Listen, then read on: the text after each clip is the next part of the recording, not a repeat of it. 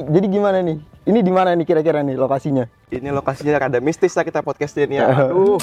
Nah, sebenarnya apa sih peran dan fungsi mahasiswa yang sebenarnya? Karena kan mahasiswa ini selain diskusi di ruang kelas, kita juga harus diskusi di luar.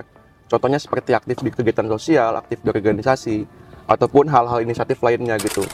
Orang-orang yang cenderung ngejar prestasi ini malah cenderung apatis nih terkait Ah, ah, itu mungkin pres bisa nanggepin. Sebenarnya bagi saya empat empat elemen ini adalah eh, elemen yang nggak bisa dipisahkan dari mahasiswa. Menurut pres gimana sih kemerdekaan untuk mahasiswa sendiri sebagai kaum muda dan intelek? Nah kalau di Unsika kan saya rasa adalah gitu. Kan kayak kemarin kita demo, kita mengkritik. Nggak ada hal-hal yang dilakukan oleh Rektorat Unsika untuk membungkam kita selaku mahasiswa. Eh, ada yang bilang bahwa hidup itu belum tentu merdeka, namun orang yang merdeka sudah pasti hidup. Nah, kira-kira eh, di Unsika ini mahasiswa-mahasiswanya sudah merdeka belum? Jauh dari kata belum.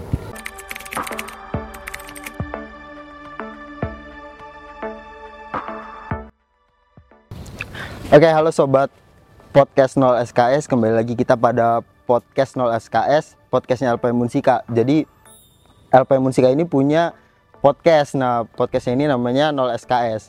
Oke, sebelum itu perkenalkan nama saya Alfian Tegar Nur Fauzi selaku General Manager atau Ketua Umum. Nah, pada podcast yang spesial kali ini kita dari LPM Unsika khususnya di podcast 0 SKS mengundang salah satu bintang tamu yang cukup spesial dan familiar yaitu Presiden Mahasiswa Unsika periode 2023-2024. Oke, perkenalkan. Halo Sobat LSKS, eh, salam kenal, nama saya Renaldi. Dan mungkin kalau untuk jabatan, ya udah ketua sebutin. Sebenarnya saya nggak mau ya bobo jabatan, tapi nggak apa-apa lah. Jadi gimana ketua ini podcast kita mau bahas apa ini kita? Eh, Oke, kali ini kita akan ngebahas terkait peran dan fungsi mahasiswa. Selain itu juga karena ini nuansanya juga kemerdekaan karena sudah mulai Agustus, jadi aka- akan sedikit tipis-tipis lah menyenggol ke arah sana gitu. Jadi gimana sehat pres? Sehat, sehat. Ketua gimana? Sehat kabar? Aman. Nah ini jadi gimana nih? Ini di mana nih kira-kira nih lokasinya? Ini lokasinya rada mistis lah kita podcastnya nih ya. Aduh. Gimana ini? Mungkin sejarahnya sedikit Jadi yang pres tahu. gedung ini sih sebenarnya dulu Rektorat Unsika ya gedungnya. Hmm, rektorat. Dulu kan dipakai sama yayasan, cuman pas udah jadi negeri, kita pindah ke depan ke gedung Opon, jadi gedung ini terbengkalai. Cuman uh, dari Unsika sendiri belum ada itikat apa ya itikat baik lah gitu untuk membeli tanah ini supaya bisa jadi buat kita lagi gitu. Karena Oh. kan lumayan kan dipakai buat uh, ruang kelas juga gitu ketua. Oh berarti ini tanah maksudnya masih yayasan dan belum dibeli? Belum. Belum atau enggak akan? Nah itu belum tahu. Oh belum tahu. Karena saya bukan rektor ya kan gitu. Oh gitu. Oke mungkin itu aja maksudnya yang menjadi pembukaan kita kali ini. Selanjutnya kita akan masuk ke itu peran dan fungsi mahasiswa. Mungkin nih masuk pada pertanyaan pertama, Pres. Siap. Nah sebenarnya apa sih peran dan fungsi mahasiswa yang sebenarnya karena peran dan fungsi mahasiswa yang kita tahu semenjak dari PKKMB sampai sekarang kan eh, kalian-kalian nih ketua-ketua BEMU atau panitia-panitia dan sebagainya ngejelasin apa agent of change, social control, iron stock dan lain-lain itu. Mungkin dari Pres gimana? Iya sebenarnya kalau soal peran fungsi mahasiswa kan yang pertama itu pasti kita kuliah dulu ya. Kita belajar di ruang kelas. Cuman peran fungsi mahasiswa itu nggak cuman itu ketua. Di luar itu kan kita harus punya eh, kebaikan juga kepada masyarakat. Karena kan mahasiswa ini selain diskusi di ruang kelas, kita juga harus diskusi di luar. Contohnya seperti aktif di kegiatan sosial, aktif di organisasi, ataupun hal-hal inisiatif lainnya gitu. Contohnya seperti kita mengkritisi kebijakan-kebijakan pemerintah daerah, ataupun juga eh, pemerintah pusat yang memang membuat kebijakan-kebijakan yang dirasa tidak pro kepada masyarakat. Nah itulah salah satu peran dan fungsi mahasiswa. Kalau misalkan menurut saya pribadi gitu ketua. Iya. Jadi sebenarnya mahasiswa juga bukan berperan untuk kampusnya sendiri saja ya. Jadi juga harus berperan khususnya pada daerahnya dan juga nasional. Gitu kali. Mungkin itu juga termasuk sebagai implementasi mungkin ya. Implementasi peran dan fungsi mahasiswa. Tapi bukan berarti kita harus fokus di, eh, jadi organisatoris, jadi aktivis. Tapi kita juga jangan lupa sama soal prestasi. Kan kalau di tahun 2021 kalau nggak salah atau 2022 gitu ya. Mungkin kalau salah nanti koreksi aja. Ada yang namanya kampus merdeka yang di mana kan mahasiswa ini diperbolehkan untuk magang sebelum dia lulus kuliah. Artinya kan mahasiswa ini soft skill juga diuji di luar di luar kampus yang mana langsung praktek. Dan juga ada lagi soal pertukaran mahasiswa, Jadi mahasiswa ini selain harus belajar di kelas, tapi harus meningkatkan juga soft skill supaya ketika nanti mereka keluar dari ranah pendidikan sudah siap gitu untuk masuk dalam dunia kerja. Hmm. Iya, mungkin eh, selain kita juga tadi ngebahas terkait prestasi. Nah, terkait prestasi ini, pres, yang dilihat-lihat kan sekarang kalau mungkin ya kita ngelihat orang-orang yang cenderung ngejar prestasi, ini malah cenderung apatis nih terkait. Ah, itu mungkin pres bisa nanggepin. Sebenarnya eh, soal ada yang apatis, ada yang organisatoris, ada yang aktivis, ataupun ada lagi yang hedonis ya, yang sering makan di McD tuh. Hmm. Sebenarnya bagi saya empat empat elemen ini adalah eh, elemen yang nggak bisa dipisahkan dari mahasiswa. Karena kalau misalkan nggak ada aktivis, nggak ada organisatoris, ataupun nggak ada hedonis, nggak ada apatis, ya flat aja gitu di kehidupan mahasiswa. Pun kita juga kan nggak mungkin semua mahasiswanya itu aktif di organisasi. Hmm. Toh juga kan ketika ketua buka open recruitment di LPM misalnya, pasti kan ada batasan-batasan untuk masuk di organisasi kan. Nah itulah minat-minat mahasiswa yang untuk organisatoris ada batasannya. Tapi beda hal dengan prestasi. Semua mahasiswa Unsika boleh ikut serta dalam lomba-lomba nasional, baik itu karya tulis ilmiah, lomba debat, dan lain sebagainya. Artinya, setiap mahasiswa Unsika wajib mengikuti pendidikan yang di mana itu bisa memajukan Indonesia, khususnya Unsika, nama baik Unsika. Jadi memang tidak apa-apa ketika memang ada yang apatis, tapi dia fokus di pendidikannya. Karena kan ada sebagian lagi mahasiswa yang fokus di ranah organisasi gitu. Ya, jadi apa maksudnya intinya selingkup seluruh universitas itu ada bagian masing-masing ya yang sebetulnya Jangan seimbang. Nah, kalau sebenarnya balik lagi ke peran dan fungsi mahasiswa, sebenarnya ada nggak sih masalah-masalah sehingga mahasiswa tuh eh, bahkan nggak mau gitu? Apa mungkin nggak sadar terkait adanya peran dan fungsi mahasiswa, tridharma pendidikan dan lain-lain itu kira-kira ada nggak sih? Maksudnya yang menghambat mahasiswa nih buat itu gitu? Kalau misalkan yang menghambat sih, saya rasa nggak ada ya. Karena kan gini, di kehidupan kita ini kan era digital ya. Artinya ada dua kehidupan. Yang pertama itu netizen, dan yang kedua citizen. Iya. Nah, netizen ini kan apa sih? Ini adalah suatu dunia yang baru di dunia maya. Yang di mana setiap mahasiswa itu pasti punya gadget. Yang di mana kita bersosial media. Dan saya rasa mahasiswa yang apatis pun ketika melihat berita-berita di media seperti adanya eh, kebijakan pemerintah yang salah, pasti mereka komen ataupun mereka like, mereka lihat. Artinya kan di sini nggak harus kita keluar-keluar di depan Pemda, depan kampus, tapi kita cukup ketik aja gitu di sosial media kita, itu semua bisa kita suarakan gitu. Artinya kan no viral no justice. Kalau kita nggak menyuarakan, kita nggak memviralkan sesuatu itu pasti permasalahan di tahun ini ya, di zaman-zaman era digital ini pasti akan susah untuk diatensi oleh pemerintah ataupun pemangku kebijakan lainnya dan artinya setiap dari kita itu sebenarnya nggak punya masalah karena kan kita, punya gadget sangat mudah gitu buat kita semua untuk memviralkan sesuatu pun ketika pengalaman saya ketika eh, ingin propaganda soal kebijakan-kebijakan pemerintah yang tidak masuk akal, tidak pro pada rakyat. Saya melihat masih ada juga mahasiswa yang tidak aktif di organisasi namun tetap menyuarakan, tetap ikut serta membantu kayak memviralkan lewat SG-nya dia, snap WhatsApp-nya dia. Artinya saya rasa mahasiswa sih kayak hari ini ya peka gitu terhadap isu-isu sosial maupun di kampus maupun di luar. Mungkin gitu ketua. Iya, eh, membahas terkait era digital sebenarnya itu juga apa era digital ini membuat kita terlepas dari kekangan ruang dan waktu sebenarnya ya. Cuma ya kadang juga nih, maksudnya di LPM sendiri juga bahkan eh, ya kita eh, membuat berita kali yang tadi Iya. si pres eh, singgung sedikit kita membuat berita, tapi ternyata eh, salah satunya ke apa ya kesulitannya tuh minat baca sih kekurangan baca. ah, ah, dari si berita tersebut kadang-kadang eh, mahasiswa tuh hanya ngeliat dari judul atau hanya dari apa sehingga banyak salahnya persepsi segala macam gitu sih Bres. Nah itu juga kan salah satu hambatan kita nih Hmm. uh, di era digital yaitu adalah istilah clickbait atau Nah. judul sensasional yang di mana tujuannya hanya meraup keuntungan. Nah cuman hari ini kalau kita contoh podcast-podcast yang uh, viral lah gitu di YouTube, ada beberapa podcast yang memang menggunakan istilah clickbait di judulnya. Tapi ketika kita membuka podcastnya ataupun kontennya, oh isinya nggak uh, nggak seperti judulnya, Hmm. ada isinya gitu. Nah ini kan salah satu strategi juga gitu, walaupun itu hambatan, tapi jadikan sebagai kekuatan kita, Kekuatan. sebagai peluang kita. Ya nggak apa-apa ketika kita memang bikin judul yang istilahnya clickbait atau judul sensasional, yang penting isinya itu bermanfaat. Jadi ketika orang tertarik untuk melihat, nggak sia-sia gitu ketua. Jadi memang hambatan itu bisa kita jadikan peluang gitu. Jadi maksud saya kalau misal- misalkan teman-teman LPM kesulitan di, di ranah sana balik lagi untuk minat menggunakan sosial media ini kan tinggi. Dan minat baca memang rendah. Tapi jika eh, judulnya itu memang menarik saya rasa akan banyak minat. Akan banyak gitu. Mungkin itu so- saran juga gitu ya untuk LPM ke depannya. Kalau memang pengen bikin berita judulnya supaya rame gitu ya Oke, mungkin kita tarik lagi nih ke peran dan fungsi mahasiswa lagi gitu. Jadi gimana eh, Pres kan sebagai eksekutif ya, eksekutif BEM Unif. ya Nah, gimana sih cara Pres maksudnya eh, maksudnya betul-betul mengimplementasikan jadi mengajak seluruh mahasiswa nih supaya ngasih tahu nih bahwa ada ini loh gitu maksudnya yang harus kita laksanakan termasuk demo dan sebagainya ada lagi nggak kira-kira gitu? Kalau untuk yang saya lakuin bersama teman-teman berarti rekan-rekan dari BEM Fakultas maupun pengurus-pengurus dan jajarannya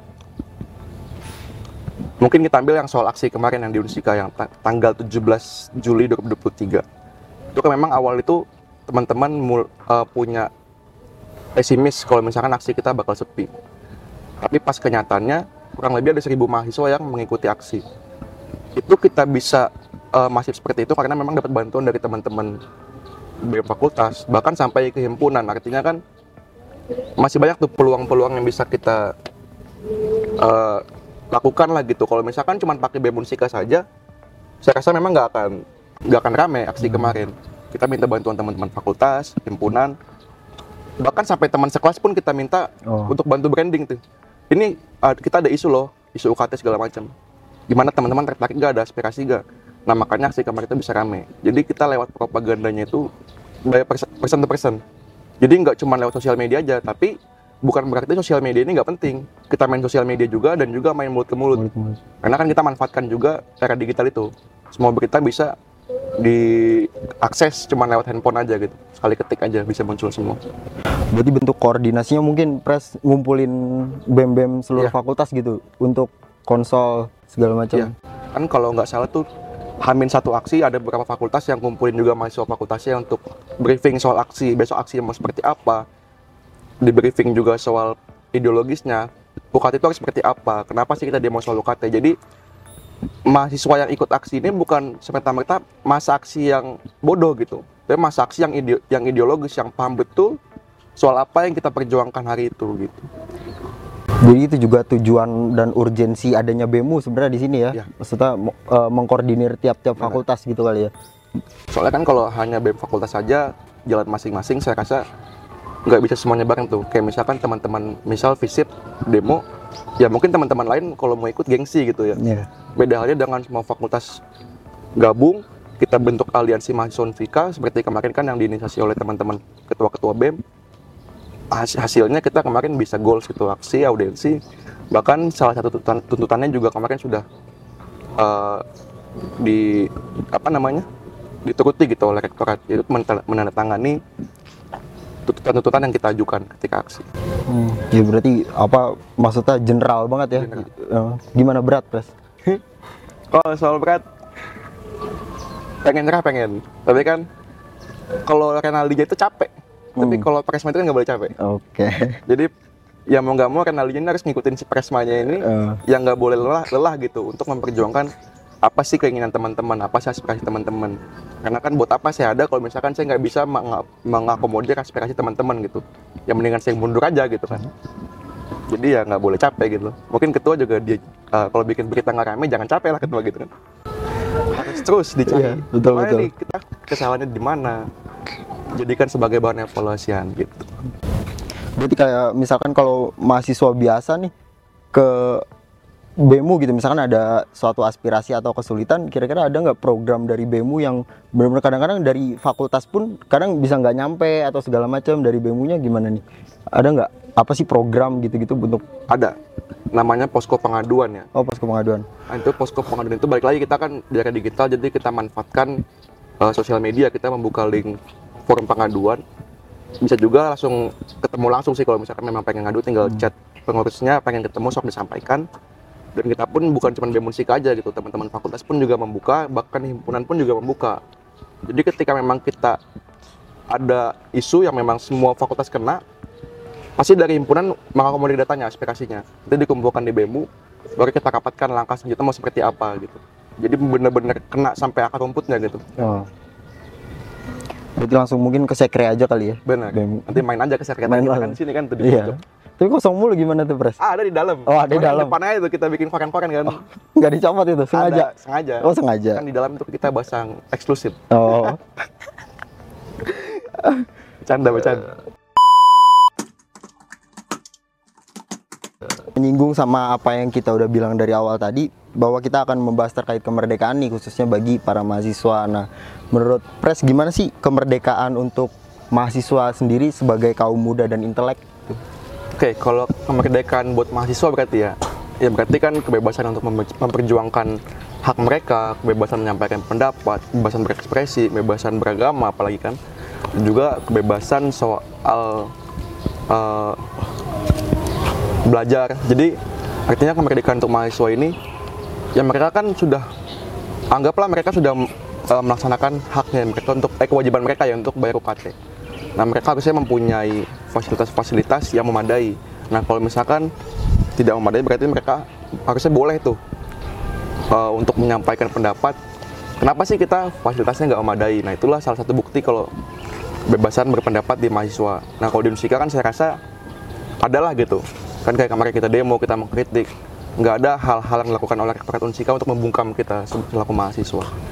Karena mungkin mereka paham kalau mahasiswa itu juga punya kebebasan untuk menyampaikan pendapat. Mungkin gitu ketua. Oh iya.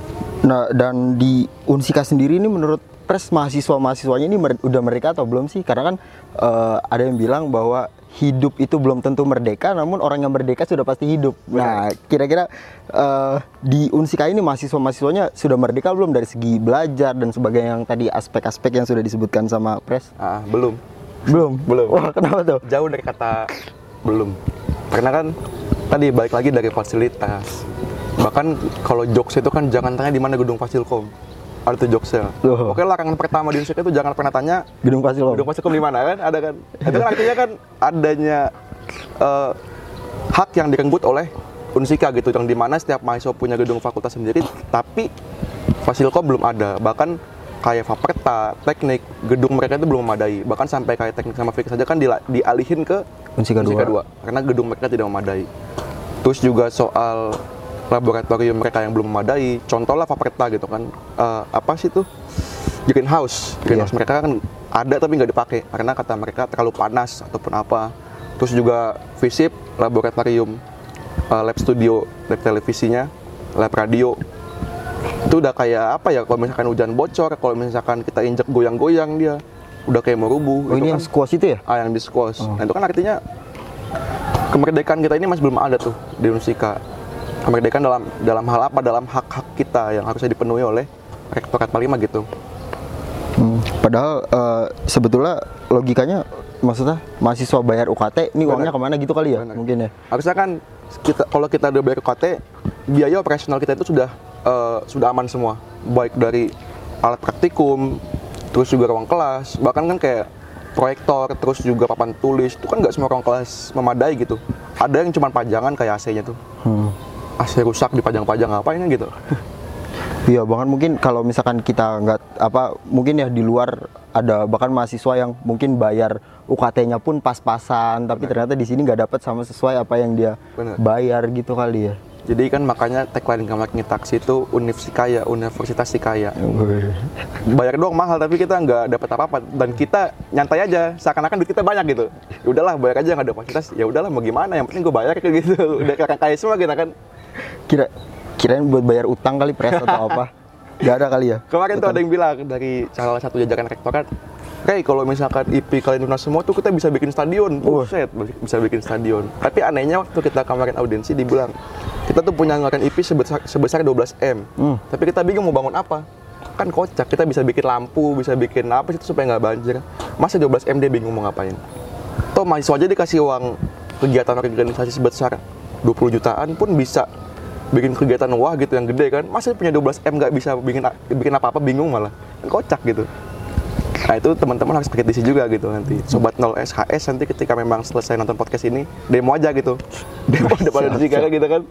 ya bahkan eh, untuk hal-hal sekecil kayak ternyata CCTV itu ternyata pas kita melakukan peliputan nih Mati. anak-anak itu ternyata mati Iya, ya mati nggak dibayar.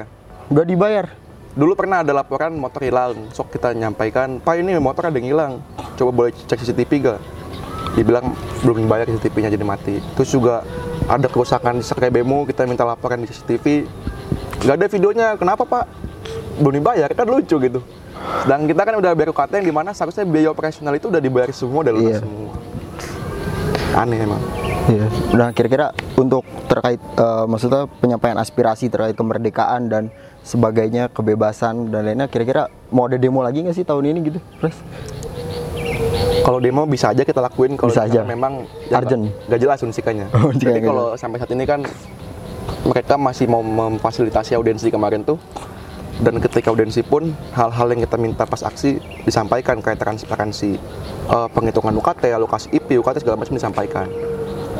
Dan saya rasa mungkin kalau itu cuman sebatas omongan kosong atau omongan orang tua untuk menenangkan mahasiswa, ya kita demo lagi nanti. Demo lagi. Kita demo lagi. Nah kan kemarin udah diunsikan nih mau keluar ke Karawang nggak tuh Pres DPRD apa mana? Kan tahun kemarin ada tuh. Benar.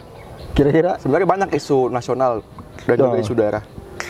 Tapi kalau untuk hari ini teman-teman Unsika karena masih fokus di uh, memperbaiki dulu di dalam kampusnya, mungkin hal-hal itu bisa terjadi cuman nggak tahu ya jadi apa enggak. Karena kita masih fokus di Unsikanya. Karena kan nggak mungkin kita fokus keluar tapi ternyata di Unsikanya kita nggak merdeka gitu ketua. betul betul. Jadi tujuan teman-teman memang kemarin itu ya pengen menyelesaikan dulu persoalan-persoalan yang ada di Unsika karena kan kayak soal UKT, IP itu kan setiap tahun ada. Nah kenapa sih bisa setiap tahun ada? Nah bagaimana caranya hari ini kita selesaikan supaya tahun depan itu dan tahun-tahun selanjutnya udah nggak ada lagi mahasiswa yang teriak-teriak soal UKT karena sudah diselesaikan semua kebijakannya dengan baik yang pro kepada mahasiswa dan juga pro kepada rektorat gitu yang win-win solution. Iya. D- tapi sepertinya eh, untuk UKT dan IP dari tahun ke tahun itu kayaknya demo tuntutannya itu, itu terus ya. Iya. Apakah unsikannya nggak benar apa? Kayaknya harusnya dibikin proker yang itu dana deh gitu buat demo tahunan tiap tahun anggaran gitu. tahunan anggaran demo tahunan ya, kayaknya. anggaran iya soalnya kan gimana ya bilang UKT kita dibilang mahal itu sebenarnya nggak terlalu mahal tapi kalau dilihat dari fasilitasnya ya mahal berarti kan Hmm. kita bayar gede-gede tapi ya beli CCTV aja kan nggak mampu deh nyewa setahun itu kan. Ataupun nyewa listriknya itu kan nggak mampu. Itu kan aneh juga gitu. Hmm. makanya kita demo. Ya mungkin teman-teman itu kalau soal UKT hari ini bukan soal mahalnya UKT lagi sih tapi soal ke mana sih UKT dialihkan? Kenapa kita masih aja nggak mendapatkan hak-hak yang seharusnya kita dapatkan ketika sudah membayar UKT itu? Makanya UKT ini selalu jadi sorotan setiap tahunnya. Gitu ketua.